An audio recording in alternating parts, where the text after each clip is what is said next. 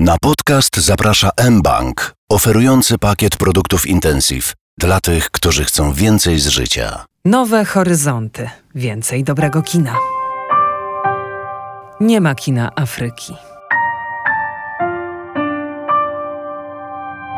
21 lipca rozpocznie się we Wrocławiu Międzynarodowy Festiwal Filmowy Nowe Horyzonty. Jak co roku od 22 lat program wypełni najciekawsze kino artystyczne. Potem do 7 sierpnia filmy będzie można oglądać w trybie online. Pokazane zostaną najgorętsze tytuły prezentowane na światowych festiwalach, w tym na ostatnim w Cannes perły filmowej awangardy, a także klasyka kina.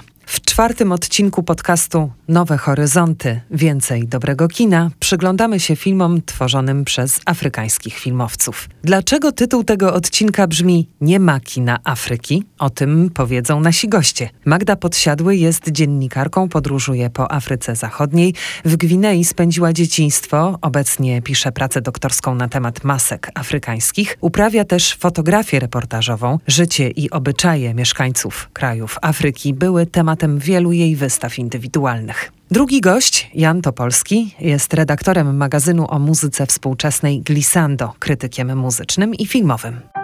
Magda Juszczyk, zapraszam na rozmowę o kinie tworzonym w Afryce.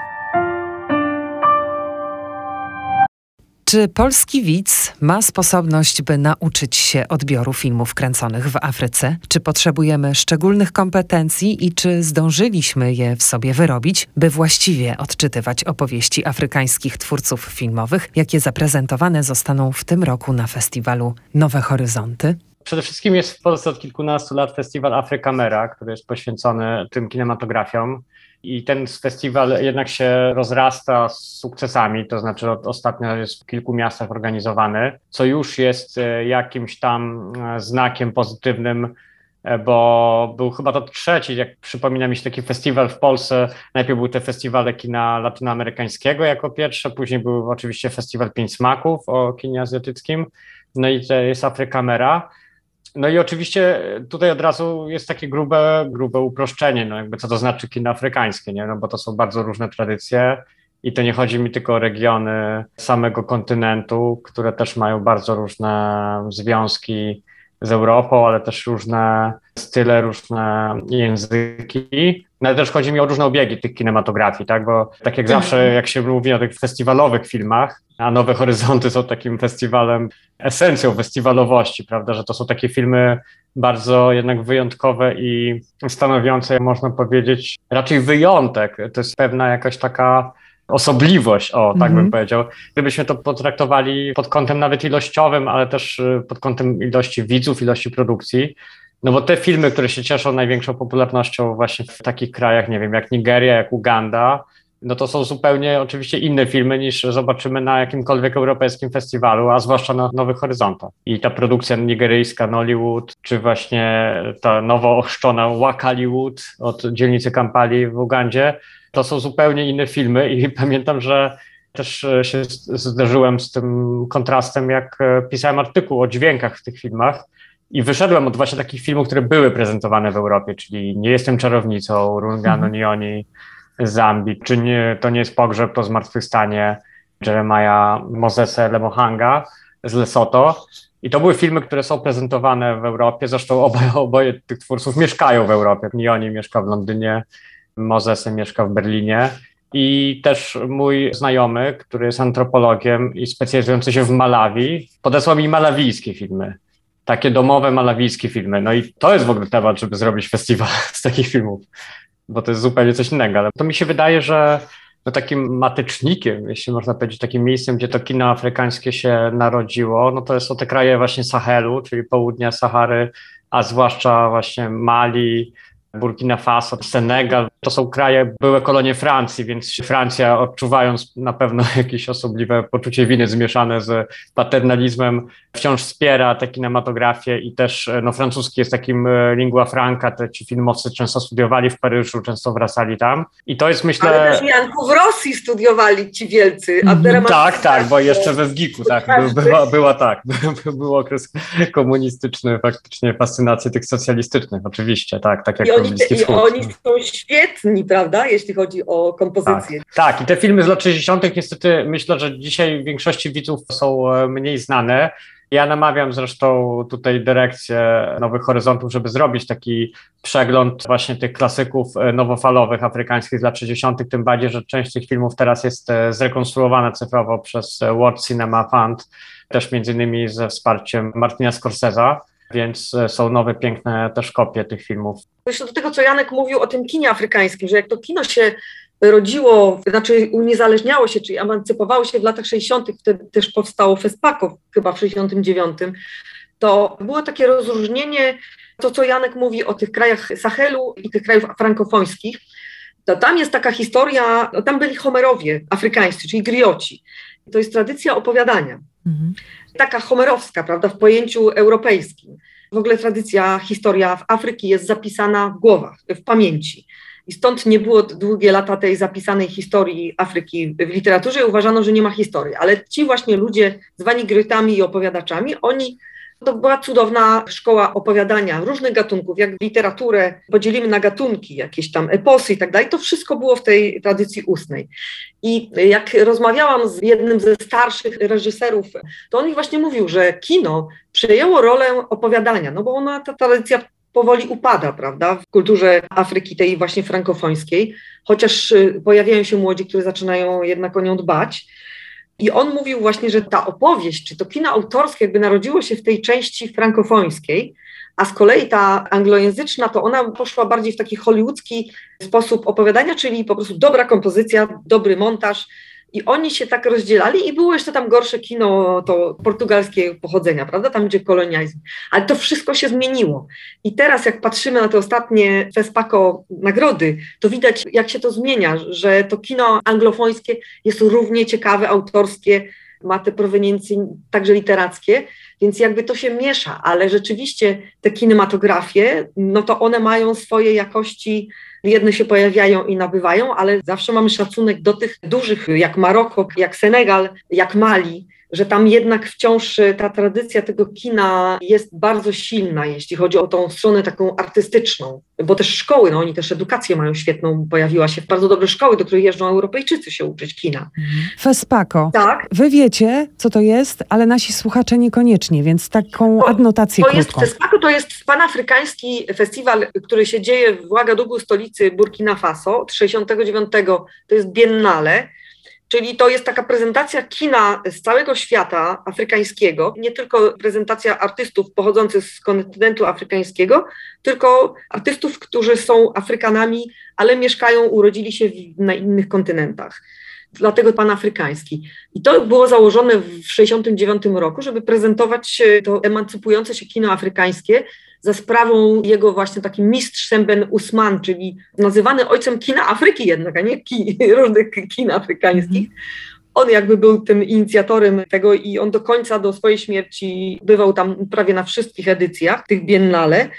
I tam jest przyznawana taka nagroda Etalon d'Or de Yenenga, porównywalna do Złotych Palm, oczywiście kaneńskich, że to są te palmy afrykańskie. Etalon d'Or to jest taki złoty ogier, złoty koń a nawiązuje do historii Burkina Faso dawnej Górnej Wolty, bo historia tego kraju jest związana z księżniczką, czyli z kobietą i ona była założycielką tego kraju. Dała jakby podstawy do założenia tego imperium, które dziś to jest część e, kraju zwanego Burkina Faso. A koń, ponieważ to były mm, Amazonki, to jest ten rejon Amazonek. Tam działały, walczyły Amazonki i koń jest takim jakby założycielem, na którym ona e, się poruszała i walczyła. I to jest właśnie taki bardzo ważny festiwal dla twórców. Dla nich to jest bardzo ważne pokazanie się na tym festiwalu. Jest też taki drugi festiwal w Toronto. Te filmy z Fespako, dużo z nich jest selekcjonowanych też do Toronto, do Kanady, gdzie też jest bardzo ważny festiwal kina z Afryki. Ale my mamy też w Polsce, we Wrocławiu, od 21 lipca festiwal Nowe Horyzonty w tym roku. Sięgnijmy do historii tego festiwalu kina artystycznego. Jakimi kroplami spływało kino afrykańskie przez te 22 lata do naszych serc, do naszej percepcji. Czy wy macie taki wachlarz wspomnień na temat prezentowanych na Nowych Horyzontach filmów z Afryki? Mi się wydaje, że, że paru autorów powracało, w sensie parę reżyserów e, faktycznie gdzieś tam krążyło i ich filmy pojawiały się na horyzontach od dawna. Myślę, że to przede wszystkim jest Mohamed Saleh Harun z tak. Jego ostatni film Lingui mm. był rok temu, jeśli dobrze tak pamiętam. Jest. Właśnie też, e, tak. chociaż to jest też taki film na temat, który porusza nas też w Europie, temat aborcji, temat losów kobiety samotnej, można powiedzieć. Wszedł też do kin, do dystrybucji. Tak, więc właśnie i Harun był już obecny wcześniej, wiele lat wcześniej, jeszcze kilkanaście lat temu przy okazji tego filmu Susza, chyba, jeśli dobrze pamiętam. Tak, e, przepięknego, który, tak. Który był realizowany w ramach takiego bardzo dziwnego zamówienia mozartowskiego festiwalu w Wiedniu, gdzie zamówiono właśnie filmy z całego świata nawiązujące do fabuł oper Mozarta, więc to był też taki mhm. ciekawy przypadek -hmm. tego nawiązania, ale był też na pewno Abderrahman Sisako, też z kilkoma filmami się pojawiał, między innymi z filmem Bamako, takim e, można powiedzieć dramatem sądowym, bardzo specyficznym, osadzonym właśnie w stolicy, w stolicy Mali. Natomiast dla mnie ostatnie lata to są faktycznie jakiś taki prawdziwy boom tego kina afrykańskiego, bo bardzo dużo kina Magrebu się pojawia i to też może warto, żeby w tej rozmowie wybrzmiało, bo mi się wydaje, że to kino Magrebu, kino arabskojęzyczne, ale też z silnymi związkami z Francją, ma oddzielną stylistykę i też często taką oniryczną, często bardzo introwertyczną. Te filmy bywały na horyzontach wielokrotnie z Algierii, z Tunezji, właśnie z Maroka. No i w tym roku mamy niebieski kaftan e, Mariam Tuzani, która już wcześniej się pojawiła z filmem Adam. To są takie intymne historie, właśnie bardzo rodzinne, w których są pewne ukryte napięcia i cała gra spojrzeń, różnych gestów, to wszystko jakoś tak powoli narasta i dochodzi do przełomu, więc mi się wydaje, że kino w ogóle Magrebu to jest cały oddzielny rozdział. No i on też na Nowych Horyzontach był intensywnie pokazywany. Natomiast dla mnie osobiście, z, z, chyba sprzed dwóch lat, to było dwa lata temu, ten film, debiut fabularny Jeremiah Mosesa, czyli to nie jest pogrzeb, to jest zmartwychwstanie, no to było niesamowite odkrycie i później napisałem do reżysera, on mi wysłał jeszcze swój film dokumentalny, zresztą nakręcony w tym samym roku i dwa te filmy stanowią taki niezwykły dyptyk, pokazujący właśnie życie w takim dziwnym kraju jak Lesotho, który otoczony jest ze wszystkich stron RPA, ma bardzo dziwny taki kontrast między właśnie swoją tradycją i ustrojem politycznym, a nowymi wydarzeniami, które próbuje ten ustrój podważyć.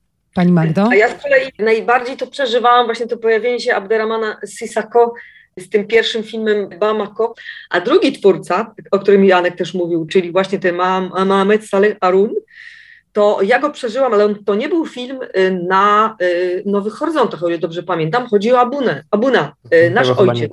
Gutek ściągnął do kina, ale nie było to w czasie festiwalu. I to był film, który zrobił na mnie największe wrażenie. To był pierwszy film pokazany u nas. To jest o migracji wewnętrznej na kontynencie. To jest historia chłopców. Ojciec jedzie na północ, żeby zarobić, a chłopcy, dwójka takich nastolatków, nie wiem, 10-12 lat, ruszają, żeby go odnaleźć. I to był przepiękny, właśnie taki prawdziwy opowiadany przez Griota, po czym potem dowiedziałam się od swojego przyjaciela Griota z Czadu, bo on pochodzi z Czadu, że oni byli kolegami ze szkoły tam w Czadzie i razem chodzili na seanse rzucane na ekran taki w środku buszu w nocy aktywiści różni filmowi afrykańscy tak pokazywali ludziom, zwłaszcza, że chodziło im o pokazywanie kina, które mówi w ich języku, w tych ich lokalnych językach. I nie mieli pieniędzy, ta grupa dzieciaków we wsi, w związku z tym zbierali te pieniądze i albo, albo właśnie Mohamed e, Saleh Arun, albo ten mój kolega, szli jako przedstawiciel i oglądali ten film. A potem dzieciaki się zbierały i czekały. No i oni opowiadali ten film. Właśnie opowiadali ten film ruchem, wszystkim ciałem i tak został Mohamed y, Saleh Arun został filmowcem, a ten mój kumpel został kriotem opowiadaczem. To bardzo ładna anegdota. Bardzo mi odpowiada ta poetyka, jakiej opowiada właśnie y, Harun. Bo ja lubię tak naprawdę tych starszych y, opowiadaczy, którzy są klasyką, ale taką niezwykłą klasyką, bo to kino jednak orientalne, no to jest takie kino orientalne, on, mhm. ono inaczej afrykańskie kino opowiada w innym rytmie i to dla mnie to jest takie najważniejsze właśnie, to, że ten, że ten rytm jest inny i to kino cenię, chociaż to, co Janek wymieniał, to też mi się bardzo podoba i bardzo mi się podoba kino na przykład RPA, które jest świetnym kinem amerykańskim, po prostu oni potrafią opowiadać. A co jeszcze jest ciekawe w tym roku, Chodzi mi o Mariam Tuzani. Ona jest żoną takiego twórcy, Nabil Ayush, a drugi jest Isham Ayush. To są bracia. I to są wybitni marokańscy reżyserzy, bardzo ciekawi twórcy, ci bracia Iszamowie. I bardzo mi ich brakuje obecności na nowych horyzontach. Bardzo bym chciała, żeby ich pokazano, bo naprawdę warto. No i okazuje się, że właśnie żona jednego z nich będzie w tym roku, więc też ostrzę sobie zęby na ten film. W podcaście Nowe Horyzonty Więcej Dobrego Kina w centrum naszego zainteresowania są filmy afrykańskie prezentowane w tym roku na festiwalu we Wrocławiu. Czy macie już jakieś szczególne rekomendacje dla słuchaczy naszego podcastu, którzy dzięki tym typom przeżyją więcej? Więcej doświadczenia kinowego, więcej doświadczenia człowieka żyjącego na tej planecie, więcej doświadczenia Europejczyka, który jest ciekawy Afryki. Co możemy zaproponować widzom Nowych Horyzontów? Mnie ciekawią dwa tytuły, o których jeszcze nie mówiliśmy, zwłaszcza, że dwa są do takich antypodach, można powiedzieć, zajmowania się Afryką. Jeden to jest nowy film Ali Cherry'ego z Libanu pod tytułem Tama, i to jest o tyle przypadek ciekawy pod co najmniej dwoma względami. Po pierwsze, to jest artysta wizualny właśnie z Libanu, który zajmuje się Afryką. Ten film jest nakręcony w Sudanie Północnym i też bardzo głęboko jest osadzony w rzeczywistości tego kraju i jego specyficznej politycznej historii, też no, położeniu właśnie w cieniu powstającej tamy też w Etiopii, w Dolinie Nilu. I po drugie jest to ciekawe, bo to będzie taki film, tak mi się przynajmniej zdaje, nie widziałem go, znam e, jakieś poprzednie dokonania tego artysty i one są bardzo ciekawym przepracowaniem różnych takich lokalnych traum i różnych lokalnych historii, bo on też dużo takich filmów kręcił o historii Libanu, właśnie o przemocy w Libanie, o różnych kataklizmach, które Liban spotykały. Zresztą wiemy, że do dzisiaj ten kraj jest w bardzo słabej sytuacji, mimo że też ma właśnie bardzo bogatą kinematografię i, i sztukę. No i ten film Czerego opowiada o mężczyźnie, który buduje właśnie w głębi dżungli jakąś taką olbrzymią rzeźbę czy totem i też tutaj wykorzystuje Cherry te swoje rzeźbiarskie umiejętności. To widać właśnie, jak się tak porównuje właśnie to z tymi jego poprzednimi dziełami. Więc to będzie takie, myślę, bardzo nowohoryzontowe, powolne doświadczenie, osobliwe, oniryczne, niepokojące. Natomiast e, też może niepokojące, ale właśnie w takim bardziej już wydaniu filmowym i bardziej już takim wydaniu angażującym, to będzie ten film reżyserki południowoafrykańskiej. Tak jak właśnie Magda powiedziała, zresztą to kino RPA to jest zupełnie też znowu inny rozdział. I to jest faktycznie kino często bardzo komercyjne, czy bardzo dobrze nawiązujące do takich gatunków, które znamy, mainstreamowych, hollywoodzkich. I to chodzi mi o ten film e, Dobra Pani Jenny Kato-Bass, jej poprzedni film mm. Flatland był prezentowany na niektórych europejskich festiwalach, e, między innymi chyba w Berlinie.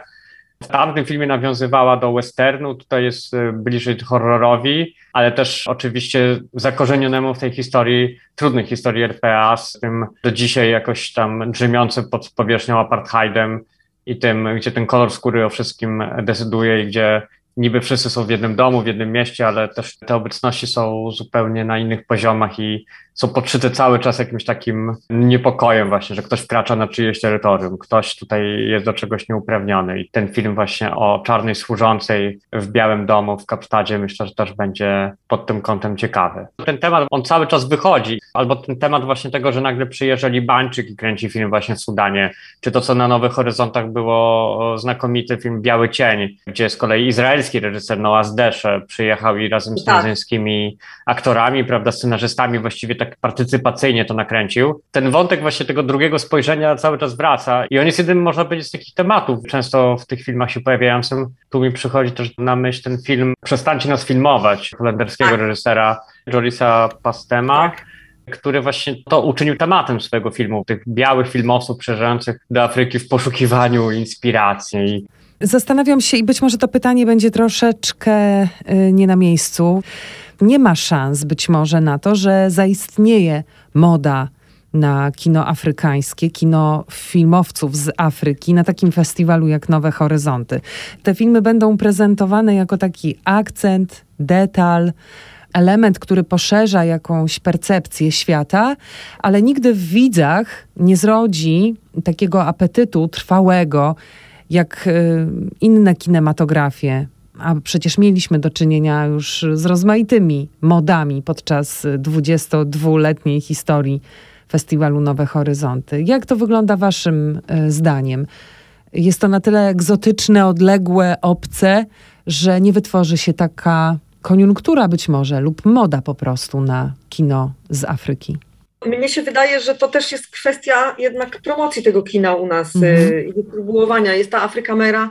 Teraz trudno mi powiedzieć, bo to po pandemii to, to zawsze są bardziej puste sale, ale wydaje mi się, że tam jednak widz jest zawsze. Myślę, że to też dużo zależy od doboru, bo jest dużo filmów, które opowiadają o nas po prostu, czyli bez względu na kolor skóry znajdujemy tam wiele o nas samych. Bardzo, bardzo mądrego jest dużo kina. Poza tym jest ono przepiękne wizualnie jednak, naprawdę. Afrykanie są bardzo wyczuleni na plastykę. Wiadomo, że ich sztuka wpłynęła na współczesną sztukę cywilizacji zachodnich, więc y, ta strona wizualna jest czasami aż dech zapierająca. Też ta narracja, a poza tym to są ludzie, którzy świetnie wyczuwają współczesność i mhm. wykorzystują te instrumenty tego kina dziś modnego i różnych trendów na świecie i świetnie sobie z tym radzą. No, to jest kwestia nawet to, co mówił Janek o tym kinie takim amatorskim, prawda, że domówki takie, no przecież Amerykanie też robią domówki i mają to kino niezależne wielkiej wartości. Tam jest kłopot z finansami bardzo duży. No, w afrykańskich krajach ludzie się jednak bardzo no mają po prostu mało tych pieniędzy i muszą zdobywać te pieniądze, ale też to, co mówił Janek, że ten Nollywood to już więcej produkuje filmów niż y, Bollywood, prawda? Że oni tymi prostymi metodami i takimi nawet byle jakimi filmami, ale jednak y, no dzisiaj też to kino robi się takie brudne, więc sam to też wychodzą świetni artyści z tych y, Nollywoodów i tak dalej. Więc ja myślę, że to jest kwestia promocji, jakiegoś troszeczkę przybliżenia, bardziej pokazania różnych tych kontekstów tego kina i różnych obrazów nie tylko tych takich poprawności politycznych. No tutaj, tu nie jest już tak źle, myślę, bo to kino mnie zafascynowały te cztery tytuły, na pewno na nie pójdę, na Nowych Horyzontach. No tutaj jest też taki ciekawy film y, Scheffnera, który jest niemieckim, prawda, artystą. A ja tylko przypomnę tytuł tego filmu, Europe. E, Europe, tak. To też mnie interesuje no znowuż to opowieść o tym takim rasizmie strukturalnym w Europie, że jest bardzo teraz y, podnoszony. I to jest jakby taki temat, że imigranci nie mają dostępu, bo to pewnie też o to tutaj chodzi, prawda? Bo ten rasizm strukturalny to jest tak jakby nierówność w dostępie do różnych rzeczy, które zapewnia państwo. Czyli ten imigrant, który jest, często to są imigranci, którzy no są ileś tam pokoleń do tyłu, są urodzeni już w Anglii czy we Francji i nie mają takiego samego dostępu, chociaż oczywiście są inne problemy z imigrantami, też pewnych rzeczy nie możemy bronić. Wcale tu nie myślę o jakimś tam terroryzmie, tylko o takich prostych rzeczach związanych z mentalnością.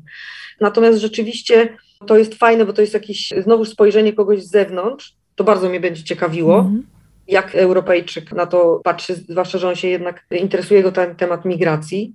Dla mnie to jest jednak brak e, pewnej promocji i takiego wyczulenia na te nowe tytuły afrykańskie, żeby je w Polsce pokazywać. No tak, w pełni się zgadzam, że to wymaga długotrwałej promocji, takiego wysiłku organizacyjno-promocyjnego. To znaczy właśnie, no wydaje, że to się udało osiągnąć zwłaszcza organizatorom Pięciu Smaków, kiedy faktycznie na początku no nikogo też nie, nie obchodziły jakieś malezyjskie filmy malezyjskie horrory, czy jakieś tam wietnamskie slow cinema, ale jednak jakoś im się to udało zrobić i, i niesamowicie się ten festiwal rozrósł też pod kątem dystrybucji, też pod kątem jakichś programów typu Noc Horrorów, czy jakieś Sylwestry i tak dalej, więc to wymaga pewnych pomysłów. Mi się wydaje, że też nie wszystkie style, czy nie wszystkie nurty tego właśnie kina afrykańskiego mogą chwycić. Taką mam mhm. intuicję, ale to mhm. wszystko właśnie tak naprawdę do mhm. sprawdzenia.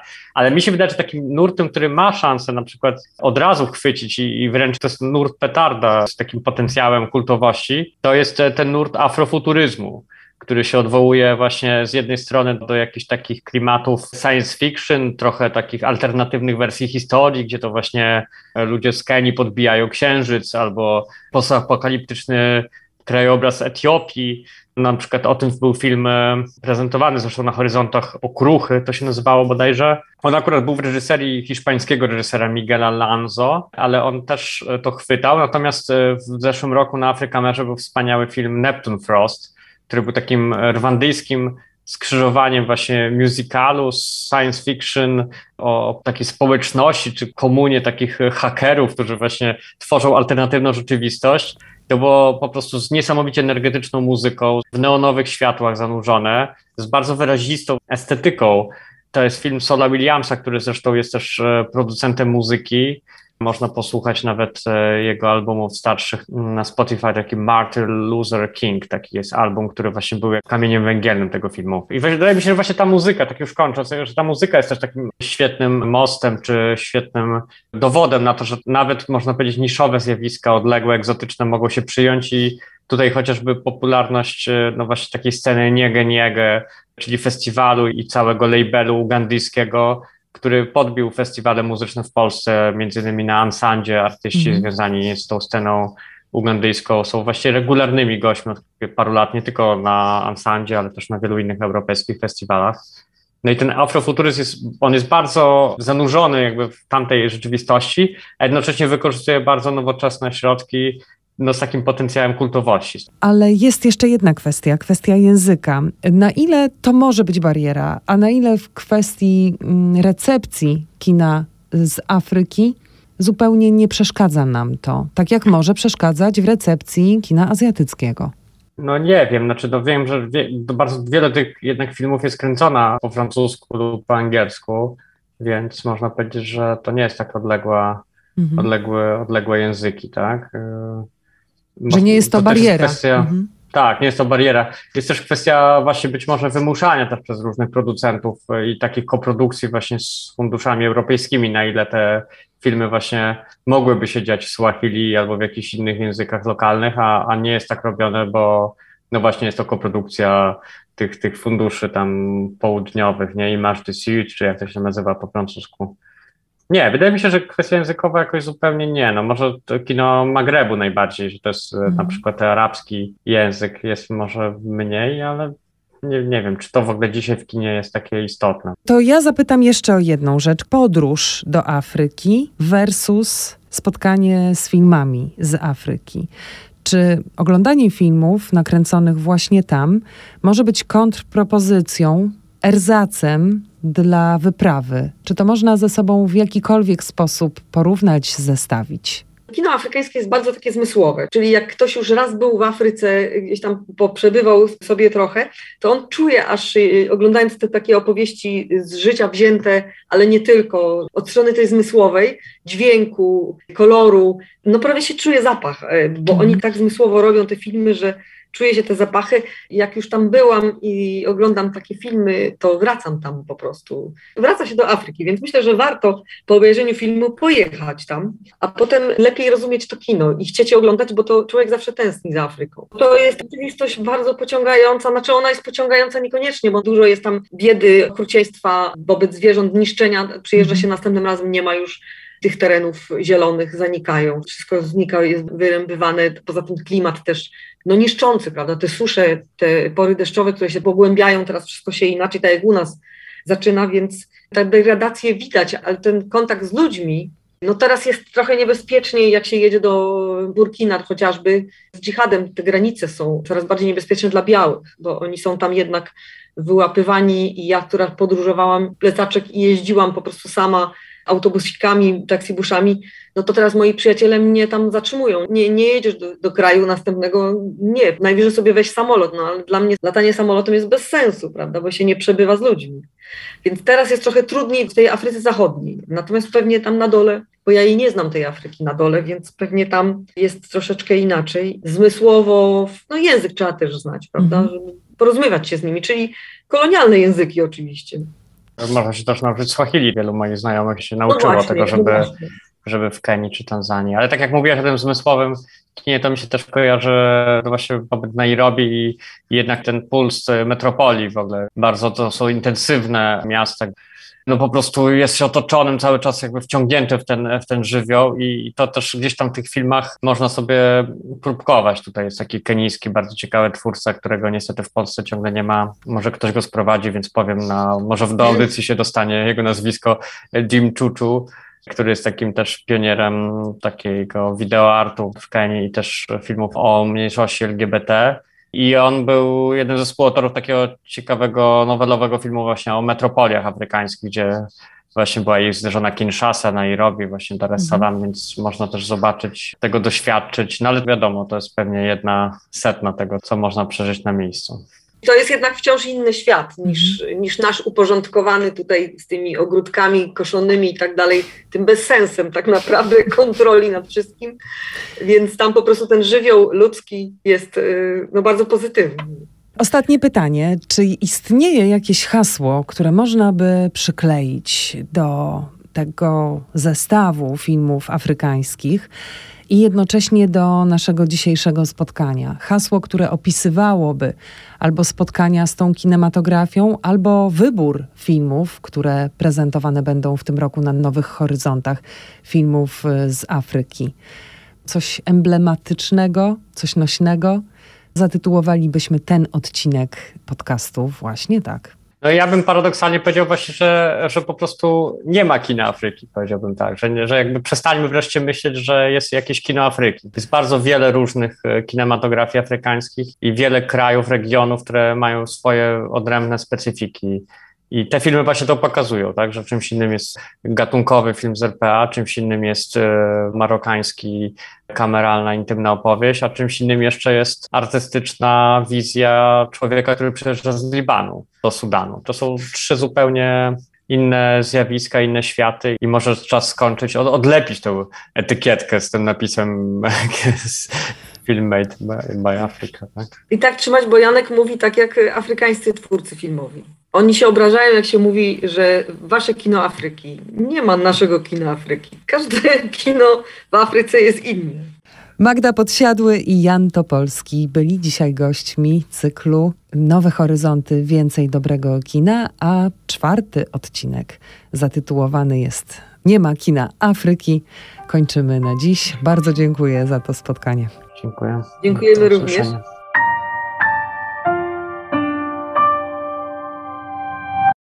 Na podcast zaprosił mBank, oferujący pakiet produktów Intensive dla tych, którzy chcą więcej z życia.